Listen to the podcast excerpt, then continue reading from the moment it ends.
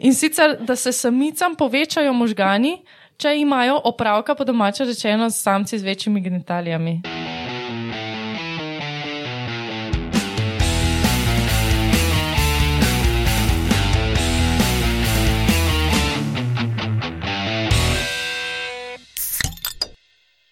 Lepo zdrav, poslušate 36. oddajo Metamorfoza. Metamorfoza je podcast o biologiji organizmov, ki vam jo predstavimo skozi lahkoten pogovor o pivu. Danes smo se dobili že standardna zasedba biologov, iz moje leve proti desni, gozna Jožica eh, in naravovarstvenica Urša Fležar, Živijo. biostatistik in gozni Joža in ne v sorodu z Uršo Roman Luštrik Roman Maha. in naša etnobotanika in uh, blogerja, bloga Slasno, Alenka in Laura Rozman. Živijo. Živijo. Jaz sem pa Matjaž Gregorič. Danes imamo na, uh, na spisku zanimive stvari, med novicami bomo povedali nekaj, med, nekaj o evolucijski bitki med spoloma, o, o bitki velikih spolovil proti velikim možganom, pa potem o mravljah, ki kultivirajo semena rastlin, pa potem pri ali ste vedeli nekaj o navadnem, pa divjem kostanju, pa zakaj jih jemo ali ne in take reči. Pa potem vaški posebneži bodo tisti ne tak skrivnosten stvor, ki se je drl zadnjič v prejšnji epizodi, pa še um, več kot 100 noga. Tako, pa preden začnemo, povemo še, na kateri dan to snemamo. Na današnji dan leta 1843 se je rodil Robert Koch, nemški mikrobiolog, zdravnik in Nobelovec, um, ki ga nekako smatramo za začetnika moderne bakteriologije in je imel več kot samo prste vmes, recimo pri um, odkrivanju povzročiteljev tuberkuloze, kolere in antraksa. Potem na današnji dan, leta 1972, je Apollo 17 bil šesti in zadnji, šesta in zadnja Apollo misija uh, na Luno. Um, in na današnji dan ima Argentina državni dan tanga. Uh, in No, vem, kar tako se mi zdi, heca, da imaš državni dan tanga. ja, v, v Argentini je tango najpomembnejši ples. Ne? To je tako, kot pri nas ja. polka. No. Sem ja. minil od dneva polke, je bi ga. No, in ja, um, današnji, imeli, ja, današnji dan so postavili po rojstnem dnevu uh, znanega tango muzikanta po imenu Julio De Caro. Odlično. Ja, mislim, zdaj, veš, un drug januar, nekaj bo zdaj spet praznik, bi lahko dan polke, nekaj itak ne vemo, česa je, ne, tisti drug januar. Recimo, ajde, uh, upam, da Miro Cerar to posluša. Če pa ne, pa mu priporočajte. Veš kaj, moramo mu poslati po mailu, vse zihrma, ki je objavljen. Um, Miro, če to poslušaš, brez dodatnih pojasnil uvedi dan polke na 2. januar. Uh, Pa še za družboslovce, ki nas poslušajo, uh, danes na današnji dan je bil rojen uh, Anton Tomaž Linhart, pa umrl je Ivan Cankar. Um, ok, pivo smo si nalili, to je najboljše, da poženemo zadevo.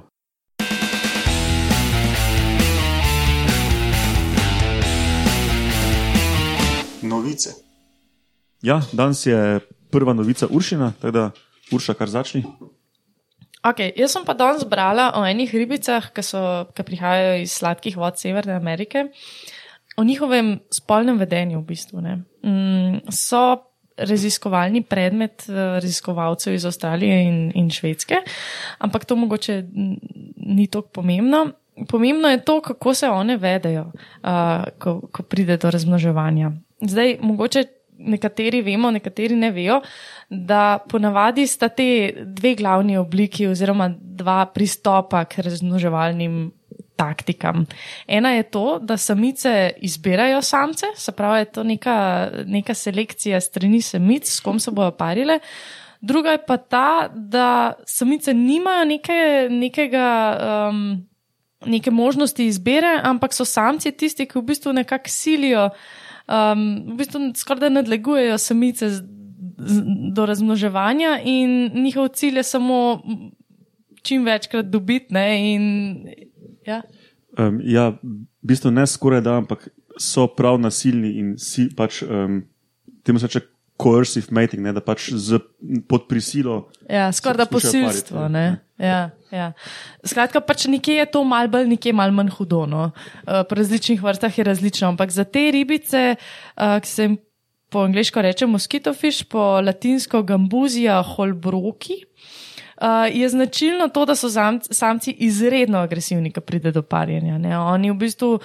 Prejšnje raziskave so ugotovile, da tok nadlegujejo samice, da le te ogromen časa zgubijo pri hranjenju, samo zato, ker se izogibajo in branijo, oziroma branijo pred temi samci.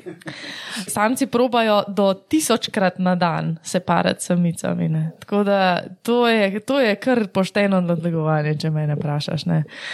In to brez Facebooka. Ne? Kot najstniki. Um, skratka, in, ja, in še to se mi je zdelo zanimivo, da v odziv na to nadlegovanje samice v bistvu vedno najdemo v nekih skupinah.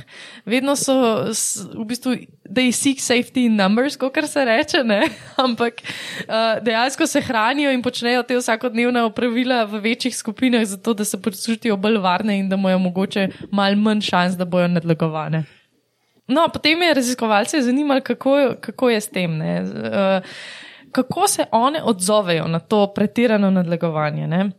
No, in potem so v bistvu, kar so naredili, je, da so s selektivnim parjenjem, se pravi, ko so imeli te ribice v akvarijih in jih selektivno parili, se pravi, so izbrali tiste, ki imajo manjše genitalije, pri moških, naprimer, tiste, ki imajo večje, ker namreč um, moški, znano je za to vrsto ribic, da moški z večjimi genitalijami so veliko bolj uspešni pri parjenju. Ne? A nimajo ribe itek zunanje oploditev? Te ribe nimajo. Te ribe spadajo med živorodne zobate krapovce. To je tako zelo podobne gupijem, zgledajo tem našim akvarijskim. Drugače sem spadajo tudi moli, pa mečki, pa plati. To so vse akvarijske ribe, ki so znane pri nas. In te imajo notranjo oploditev in so živorodke, kot ime pove. Ja. Uh, tako da v bistvu tem, tem ribam oziroma sancem zelo prav pride, če imajo pač večje genitalije, večje penise, pa imajo zgleda res uh, veliko boljšo možnost, da pride do oploditve, ne, da, da pridejo do tega svojega cilja. No, skratka, in so ti raziskovalci so selektivnim parjenjem skupaj dal in ti samce z velikimi genitalijami, samice, skratka, in samice, in potem posebej samce z mehkimi in samice, in potem so jih parali. Uh, zelo komplicirano, v bistvu je to blono, ampak zanimalo jih je, ali je kakšen odziv v nevrološkem sistemu na velikost genitalij. No, in kljub temu, da so pričakovali, da bodo neke spremembe in pri moških in pri ženskah, glede na to, ali so samice vzgojene z, z samci z velikimi um, genitalijami in z mehkimi, so ugotovili, da se v bistvu spremembe v možganih samo pri ženskah zgodijo. Ne? In sicer, da se samicam povečajo možgani, če imajo opravka, po domače rečeno, s samci z večjimi genitalijami. Se pravi, zato, ker so samci z večjimi jajci in penisi bolj, bolj nadležni, bolj nadlegujejo, ker pač imajo večji uspeh, one v nekako v odgovor temu razvijajo večje možgane, kar jim omogoča, da se bolj sniki, bolj pametno odzovejo na to, lažje skrijejo in, in tako naprej. Ja. Uh, to gre um, generacijsko ali za čas enega življenja? Generacijsko, ja.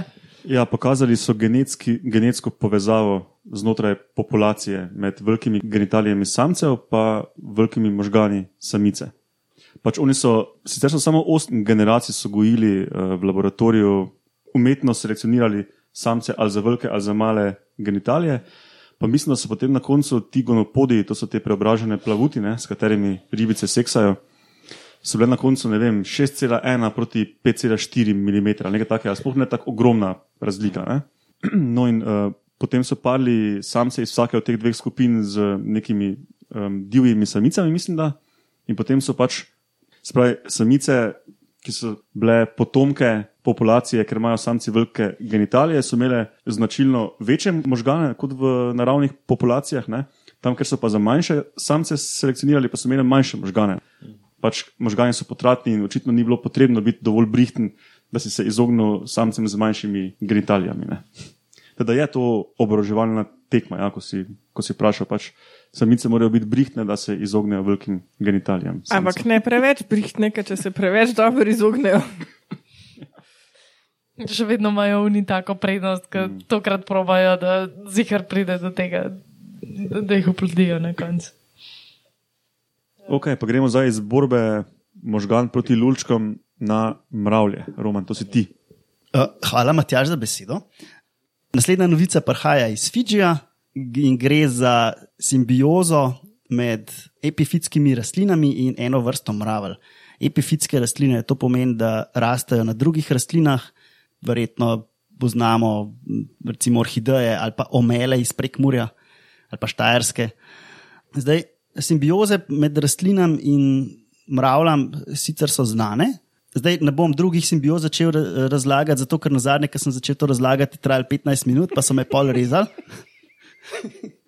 No, pri, uh, pri tej simbiozi gre za to, da mravlje v bistvu aktivno raznašajo semena teh rastlin in jih v bistvu gojijo in v njih živijo, jih gnojijo, verjetno s svojimi kakci. Rastline pa jim v zameno recimo, um, nudijo zavetišče, pa ene, ene vrste imajo celo um, nagrado, da imajo neke nektarje, ki producirajo sladkorje in s, s tem rastline lahko, eh, s tem mravlje lahko pa dodatno hrano dobijo. Um, živijo pa te mravlje in te epifiti na drugih rastlinah, ki tudi prinašajo hrano um, mravljam. Te znanstveniki na Fidžiju ne, so pogledali 900 teh domacijev, to so te zadebelitve na teh rastlinah, v katerih živijo mravlje in kakajo. Ne. Um, in so ugotovili, da pri en, ene, šestih vrstah so čist vedno zasedeni s tem mravljam, pri drugih uh, vrstah pa malo manj. Pa gostota teh rastlin, ki uh, živijo z mravljami, je uh, ful večja v primerjavi z drugimi, ki ne živijo s tem mravljam. Med temi rastlinami so dejansko potke, non-stop, uh, vzpostavljene. Uh, upazili so, da zatikajo semena za ljubje. S pomočjo enih analiz uh, izotopov so sklepali, da te mravlje dejansko prenašajo noter nutriente v te rastline, verjetno preko kakanja in pol tako razmažejo čez steno, tako da, ko vam bojo otroci tazga delali, si predstavljate, da sam gnojijo. Uh, pa morfologija teh um, majhnih rastlin je tudi malo spremenjena, ker se hitro podaljša to stebelce pri kalčku uh, in tako lahko tvorijo te strukture uh, zunaj ljube in tako dajo dostop tem mravljam. Uh, lahko pa mravlje gojijo tudi do tri vrste teh epifitskih rastlin naenkrat. Kakšno vprašanje? Zdaj za poslušalce moramo reči, da je to Roman poskušal povedati osmič, zato je izgledalo malo bolj hitro in uh, jedrnato. Um, jaz bi mogoče dodal tako pod črto potegnjeno, da kultivacija pomeni, da ti pospešuješ rast, uspevanje organizma, ki ga kultiviraš. Ne? Se pravi, s tem, ko mravlje aktivno sedijo, gnojijo, ščitijo semena, jih dejansko kultivirajo in potem v njih živijo in jih raznašajo in s tem tudi rastline profitirajo in tako dalje. ne. Ja, ni, sam, ja, ne. ni pasivna ja. interakcija, ampak je aktivno mravlje to. Jaz bi vseeno, Roman, dodal še to, kar se mi je pač meni osebno zdelo zanimivo, da um, šest vrst rastlin, um, oskosorodnih, je uh, v tej obvezni, obvezni simbiozi mutualizmu z to vrsto mravelj. Ne? In so potem z filogenetskimi analizami, se pravi z sorodstvenimi analizami, ugotovili, da, so, da je to pač um, šest vrst, ki so se razvile iz, en, iz, iz ene predniške populacije pred tremi milijoni let. Ne? In takrat so pač nekako se je začela ta koevolucija, se pravi evolucija z roko v roki med tema dvema, med tema dvema organizmoma. Ne? In, in mravlje, in rastline so pač neke spremembe doživele v teh treh milijonih let. Recimo ta vrsta mravelj, ki ima to nujno simbiozo, več ne dela teh velikih papirnatih gnezd, ki jih delajo druge mravlje, ne? to kot ene ose pri nas. Recimo. Um, no, te mravlje so pa to čist opustile in uh, vedno živijo v teh rastlinah, rastline pa imajo, pač, kot si rekel, uh, steblo prilagojeno na ljubje, medtem ko druga žlahta teh rastlin pa nima. Ne. Ja, in sklepajo, da je verjetno izvoren prednik bil, oziroma da je bila izvorna oblika tako, da so eh, rastline lahko imele mravlje ali pa ne. Pa se je pa pač nekako specializirali, da, da je bilo to obligatno oziroma obvezno ratalo. Uh, in zgleda, da imajo pač te rastline in mravlje, dosta od tega, uh, tako da jim je ratal. Tebi tudi, Roman. Okay. Um, zdaj, ko je Romano v osmo končno uspelo, bomo pa kar nadaljevali z ali ste vedeli.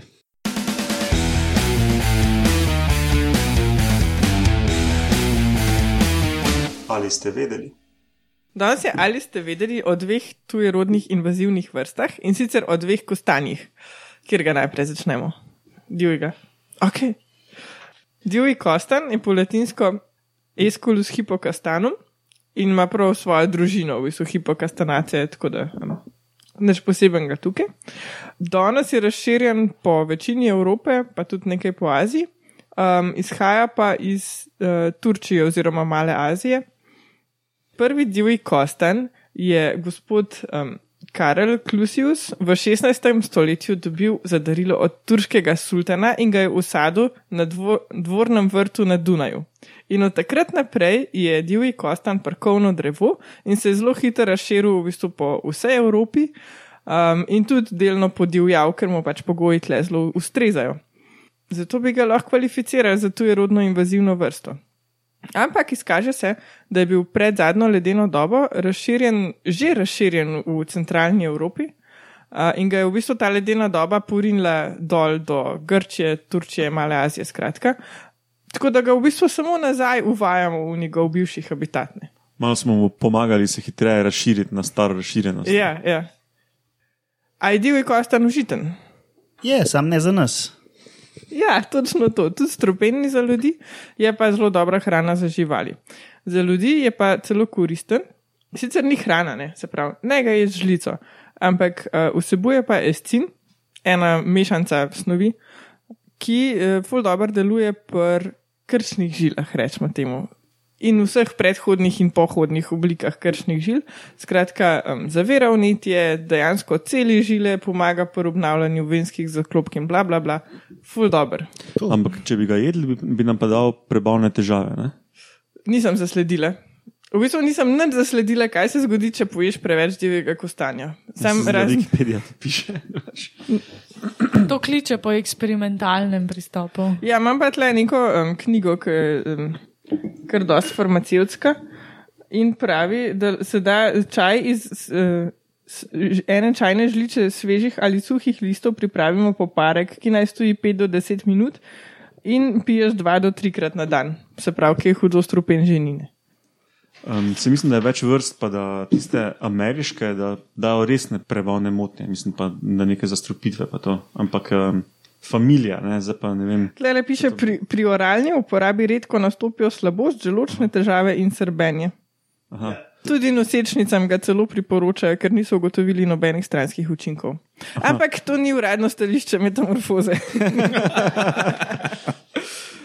A koga še kaj zanima o divjem kostanju? Kaj pa cvetovi, pa to dost, mislim, cvetovi dosti spominjajo na kakšno rubinjo ali kaj takega, da bi človek skoraj hotel cvret ali pa nekako sok dati. Ja, lahko, komod. V bistvu se pridobiva druga, ne, se pravi. Um, Pripravek, ki jo uporabiš v zdravilne namene, in iz semen, in iz eh, listov, in iz cvetov. Tako da v bistvu vsi deli za korenino, nisem ziger. V bistvu vsebuje ta escin, ki je dober za žile, tako da top shit za um, čajno mešanico. All parts of the buckeye or horse chestnut tree are moderately toxic, including the nut like seeds. The toxins affect the gastrointestinal system, causing gastrointestinal disturbances.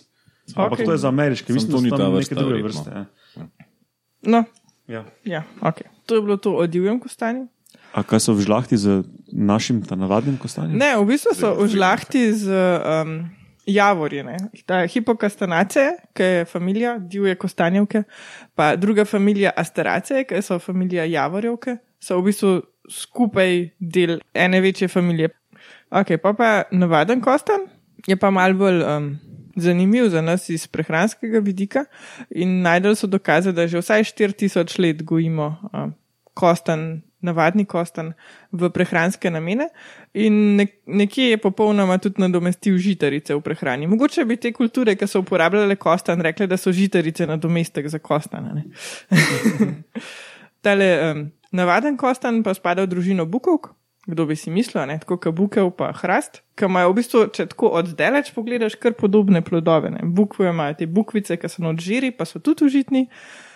Hrasti imajo želode v oni sumljivi kapici, ki so tudi užitni, tako da. Ampak najbolj užiten od vseh je pa seveda kostan. Ja, sorry, uh, pri tem hrastu je tako, da sicer je užiten, ampak večina je ugaben, sem pa, kaj se pa najde kakšen drevo, ki sploh ni nekega pravila. Um, ja, eh, eni imajo pa individualno, so pa užitni, ampak tega ne znamo napovedati. Se pravi, ti moš počakati 200 let, da bo hrast zrastel, pa boš pa videl, a bo dobro. In zato se s, kostanjem ne preh, uh, s hrastom ne prehranjujemo, ker pač predolgo traja. Ja, no, pač, kadar je sila, lahko hrast, mislim, lahko želod ješ, sam ga moraš skuhati. V sili hudič tudi želodje. Je pa uh, ta rod kastaneja kar um, obširen, recimo obstaja pet azijskih vrst, šest ameriških vrst, pa evropski kostan kastaneja sativa, ki smo ga uspešno razširili tudi v Himalajo in druge dele Azije. V Ameriki mu pa rečejo španski kostan. A pa so vsi užitni. Ja, so ja, tudi uh, pomembni v prehrani, pač lokalno, kjerkoli že rastejo. Spet gre za invazivno vrsto, ne, ko, um, invazivno tujerodno vrsto, ki se je pri nas udomačila in kvari to našo biotsko pestrost bukovo-jelovega gozda. Um, Grdi, grdi kostan. Iz kje je? je isto iz Male Azije, so ga pa že prej eh, začeli širiti. Poznamo, recimo, da ga je Aleksandr Veliki nosil sabo, pa sadil kamorkoli je prišel. Pa Rimljani so ga pa verjetno pač po celi Evropi zanesli, ne danes uspeva tudi v Veliki Britaniji, Franciji, Nemčiji, um, Romuniji, tako pač. Jaz sem pa mislil, da od Avstrije severno ga ni. Je, je. Kasneje so ga pol menihi gojili. Velika Avstrija so Alpe, v Alpah smo reka je, um, Kostanja pa ni, Kostanja pa pač posledično mogoče ni. ampak v Nemčiji pa verjetno dejansko zato ni, ker nimajo hostene. Ja, ja tam so pa um, plantažari. Pa Čehi so isto, isto osumljeni, da nimajo hoste. Oziroma, vemo, da ne samo, da so osumljeni. Ja.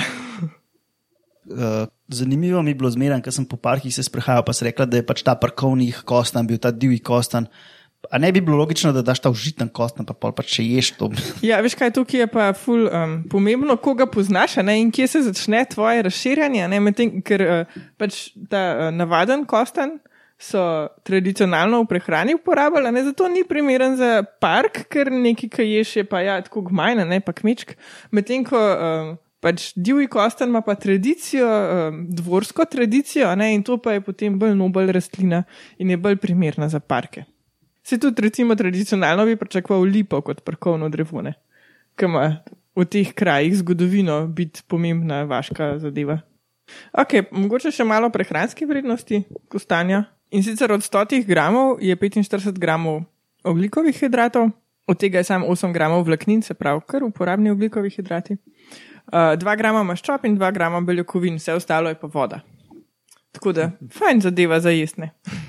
Sam, če imaš kakšno primerjavo, ker jaz jih ne spremljam teh Čokolada kilokalorij. ima 500, cirka. Ena kalorija je količina toplote, ki jo potrebuješ, da en liter vode se greš za eno stopinjo Celzija. Zdaj mi je pa vse jasno.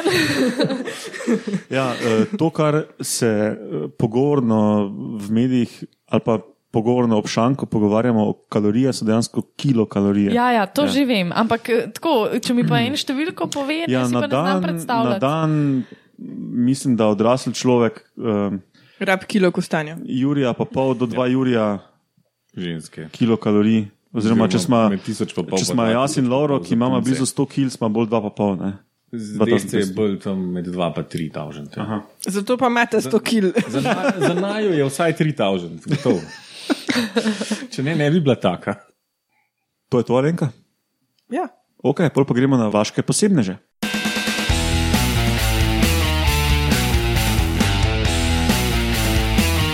Vaški posebneži. Ok, prvi vaški posebnež je tisti, katerega zvok smo spustili v prejšnji epizodi, ga moramo še enkrat. Se spomnite?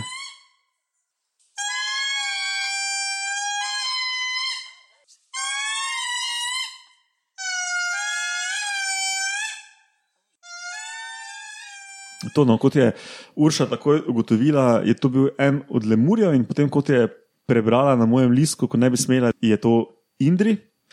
Indri, oziroma po lokalno madagaskarsko Baba Kutu, je največji lemur, um, a ja, uh, latinsko ime je Indri Indri.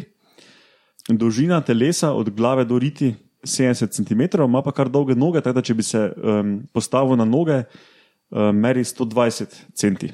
No, kljub tem kar velikim meram, pa tehtajo od 6 do 9,5 kg, pa običajno so bolj proti 6 kg, se pravi bolj kot neka velika zajec. mačka. Ne? Tako da so očitno kar suhljati in polni puhastega, um, puhaste dlake. Ne? No, imajo črno-bel kožuh in imajo zakrnev rep, ki izgleda približno tako kot pri smrcih. Recimo en taki. Jaz nikoli nisem repa, pa sem jih zdaj opazila. Ja. Sej, vidiš, Exactly. zakrnev. Ja, okay. ja, ja, ampak To je bilo za moje prijateljice blondinke.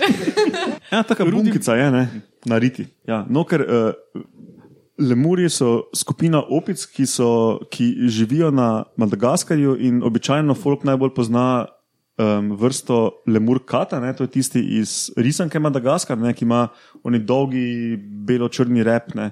Pač večina lemurjev ima res dolgi rep, Indri je pa taki malo človeko, liki, človeko podoben, um, pokončno hodi, pokončno se spenja po drevesih, pa še repa nima. In tudi zato je v dost legendah uh, na Madagaskarju um, omenjen. No, drugače pa znan po tem tipičnem oglašanju, ki smo ga spustili, ki mu pač rečejo petje Indrija oziroma The Song of the Indri. Um, in to petje služi označevanju teritorija, paritvenim signalom, alarmnim klicem in podobno. Ne? In oglaša se pa predvsem zgodaj zjutraj, okoli sedmih, no, zgodaj, plus minus. Ne? Um, in jaz se pač tega živo spomnim, ko sem pač na Madagaskarju dvakrat do zdaj delal, so nas vedno ti Indriji zbujali. In tam, tam sem tudi spoznal, A, a na Madagaskarju pol grejo z Indriji spat na mest s kuram. Ne z Indrijo ustajajo. tako je, Aha, okej. z Indrijo staja. Um, tam sem tudi spoznal eno italijanko, ki je delala na evoluciji govora in je študirala um, oglašanje Indrijev. No, in uh, pri nekaterih primatih, naprimer pri gibonih, obstaja skladnja, sintaksa, kar pomeni, da oglašanje um, se stoji iz nekih posameznih delov, ki jih pač potem skladajo poljubno, glede na to, kak pomen mora neko oglašanje dobiti. ne. In tudi pri Indriju um, to petje se stoji iz štirih zvokov, ki ga potem nekako sestavljajo v neke daljše enote, in potem to pomeni razne, razno razne stvari, ali neko teritorijalnost, ali, ali opozarjajo pač pred plenilci, recimo, večinoma pa to uporabljajo za paritvene signale. Ja, to je v bistvu tako, kot Jan Plestenjak. pol. Ne štiri razloge, pa pol m- meša in to je to. No, pa ko sem že omenil, da se v mitologiji pojavlja ne, ta uh, baba kutu v madagaskarskem jeziku, baba pomeni oče, A si zihar? Logično. kutu pa pomeni majhen otrok. In um, v več mitih se pojavlja, ker pač ta mit vključuje očeta in sina, in običajno se en zgubi v gozdu, in potem pač običajno sin, no, in potem pač um, oče joče za sinom, in to so ti kriki oziroma petje Indrija. Ne.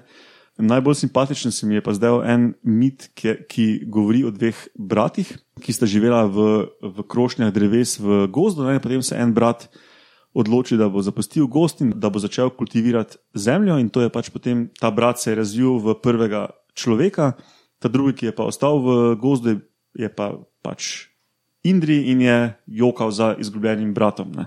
No, in um, nasplošno je Indri zelo pozitivno zapisan pri prebivalcih Madagaskarja, za razliko od kakih drugih organizmov, recimo kameleoni, pa aj, aj, so pa zlobni in jih aktivno ubijajo. Sam so oni so res grdi. So, ja, tudi mladiči, ki so ponovadi čedni. So Kar še ne grdi. pomeni, da bi jih lahko ubijali, ampak so pa ne, res ne, to grdi. ne, to ne, grdi pa ja, grdi. Ampak fascinantni pa tudi. To je to, kar se tiče, kar se tiče Indrija. Zdaj pa še Lauro povedal nekaj o več sto nogi. Danes ta drug eh, posebnost je um, ena stonoga uh, in sicer kačica. To so une, uh, pre- uni predstavniki, ki imajo dva para nog na, na člen. Ampak ni to ni tako važen kot to, da imajo teh nog 750, kar je rekordno. In sicer od prejšnjega rekorderja iz Portorika imajo za 8 več nog. Um, so pa to majhne živalce, tako od 1 do 3 cm, uh, živijo v severni Kaliforniji. In poleg velikih nog so zabavni še zaradi tega, ker uh, imajo na hrbtu neke take dlakaste strukture, ki producirajo um, nekaj svili podobnega. In zakaj jim služi ta svila? To se ne ve. Pa tudi neko odpuljeno obustno um, zadevo za, žret imajo, pa se tudi ne ve, kaj s tistim delajo. Tako da v bistvu to je zelo čisto recentno odkrita vrsta, tako da se ne ve, um, kaj s tem obustnim aparatom, niti kaj s tem uh, svilnitim izločki tam z hrbta. To so pač drugače detridivori, kar pomeni, da žrejo neko uh, odmrlo rastlinsko uh, substanco. Ne. Kot večina njihovih sorodnikov, razen ene parih, ki, jih je uh, predatorskih iz te Se pravi, se pravi, če vas otroci vprašajo, ali ima sto noga res sto nog, lahko rečete, nekatere že, nekatere imajo pa tudi do 750. Vsaj. Ja. Drugače pričakujejo, no, da je um, v tropih še, še full vrst, ki imajo morda tudi več nog. No. Ker pač tropska uh, fauna je glede tega še relativno slabo raziskana. No. A je kaj povezano število nog, oziroma pač število členov, v bistvu tudi ne, uh, pri teh organizmih z velikostjo? To, to ne vemo, ne, če, če je kaj povezan in na kakšen način je ne povezan ali pa je povezan. Torej, ne, ne vemo. Ja, ne vemo v tej sobi, ne, da ne bodo mislili, ja, da znanost ne ve. Mi že ne vemo. Ne, um, O tej vrsti je malo znano, kak so pa splošni trendi pri sto nogah, pa mi v tej sobi ne vemo. Ne. ne, ne vemo. Okay, um, naslednjič bo pa en od vaških posebnežev, organizem, ki se oglaša.